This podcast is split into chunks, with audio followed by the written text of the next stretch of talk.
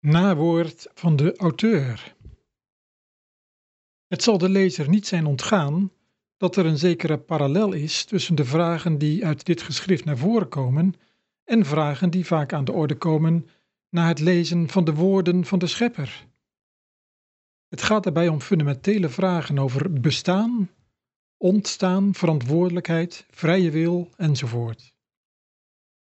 Het is inderdaad mijn bedoeling hier op een zekere overeenkomst te wijzen. Sommige van die vragen lijken me namelijk, op zijn minst gedeeltelijk, inherent aan het feit dat een schepsel, maaksel, bedenksel iets weet van zijn schepper, maker, bedenker. Misschien werpt het een nieuw licht op de vragen als deze vergelijking in dit boek extreem doorgetrokken wordt.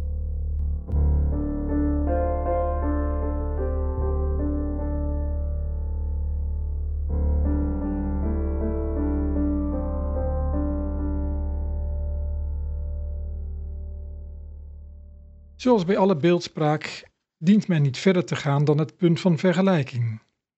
Ik wil zeker niet de schrijver gelijkstellen aan de schepper. De echtheid van het bedenksel van de schrijver haalt het natuurlijk niet bij de realiteit van de schepping. De schepper heeft ook meer bekendgemaakt dan alleen het feit dat hij de wereld heeft geschapen en nog steeds bestuurt. Daarom is de parallel ook vaak bewust losgelaten. Als de lezer meent dat de parallel te ver is doorgetrokken, dient hij zich eerst enige dingen te bedenken. Ten eerste zou het kunnen zijn dat het een punt betreft waarvan het juist niet de bedoeling was er een analogie in te zien. Bepaalde elementen uit de verhalen zijn alleen gekozen om het verhaal zelf en blijken soms achteraf toevallig toch goed in de vergelijking te passen, maar vaak ook helemaal niet. Verder gaat de vergelijking mank doordat de schrijver maar weinig over zichzelf bekend maakt.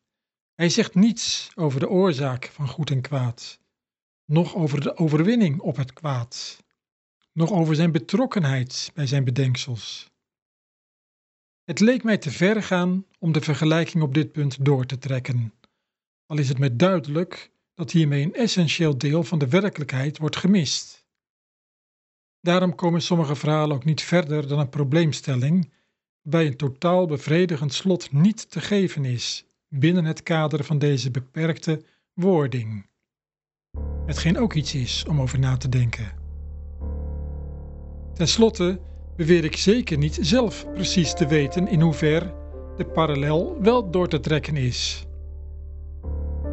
Sommige parallellen worden alleen als mogelijkheden ter overweging gegeven. Misschien kan het een gedachtegang op gang brengen die ons inzicht verder verdiept.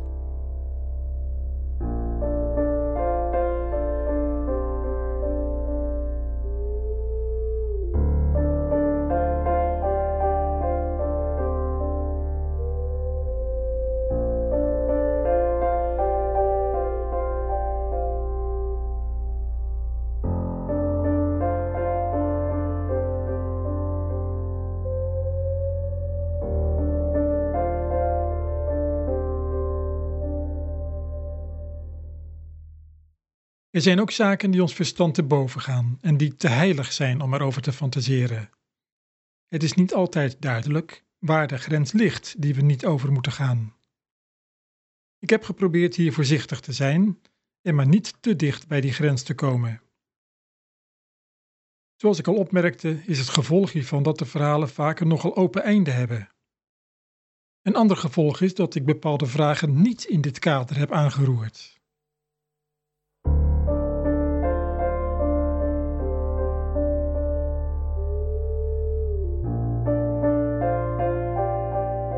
Wat ik verder wil opmerken is dat ik, de auteur, niet de schrijver ben. De schrijver is een product van mijn fantasie. Hij is daar als het ware uit voortgekomen. Hij heeft zijn eigen leven, waarin hij soms andere keuzes maakt dan ik gedaan zou hebben. Al komen natuurlijk ook al zijn keuzes uit mijn gedachten voort. Hij heeft ook andere mogelijkheden dan ik, soms meer, soms minder. Ik zou bijvoorbeeld niet in zes dagen zoiets als wereld kunnen bedenken. De schrijver heeft ook veel meer over wereld geschreven dan ik heb gedaan. Ik heb in dit boek slechts een selectie van zijn verhalen weergegeven. Aan de andere kant is de schrijver wel degene door wie ik mijn plan ten uitvoer kan brengen.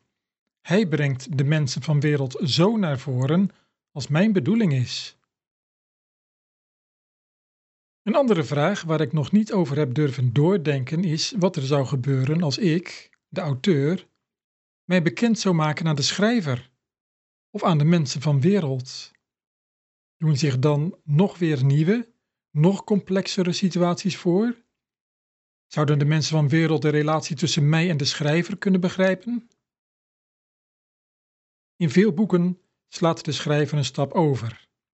De personen in het boek kennen de schrijver van het boek dan niet, maar hebben wel weet van een schepper, die ook de schepper van de schrijver is. Lang niet alle schrijvers realiseren zich dat dit een erg paradoxale verwarring van de niveaus geeft. Wie bestuurt nu wie? Regeert de schepper de schrijver of bepaalt de schrijver wat zijn schepper doet? Ik ken geen verhaal waarin dit wordt uitgewerkt en het lijkt me ook moeilijk zonder over een grens te gaan waar we vandaan moeten blijven.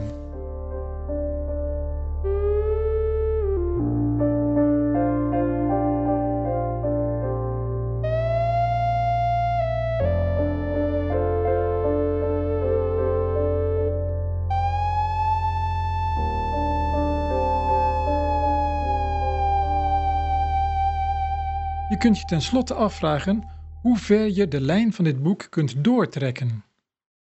Ik heb de schrijver bedacht. De schrijver heeft wereld bedacht. In wereld leven weer schrijvers die weer andere creaties hebben bedacht. Hoe ver kan dat doorgaan? En gaat de lijn ook de andere kant op? Er is iemand die ons in Kluwelt in het jaar 1596 heeft bedacht. Houdt het daarop op? Ik meen dat dit boek laat zien dat als we geen informatie gebruiken die de schepper ons langs een andere weg geeft, onze ervaringen en ons denken op deze vraag geen goed antwoord kunnen geven. Hetzelfde geldt voor de vraag naar de zin en het doel van ons bestaan en de geschiedenis van onze wereld. De auteur. Op de zeventiende dag van de negende maand van het 1596ste jaar van de derde era van Kluwold.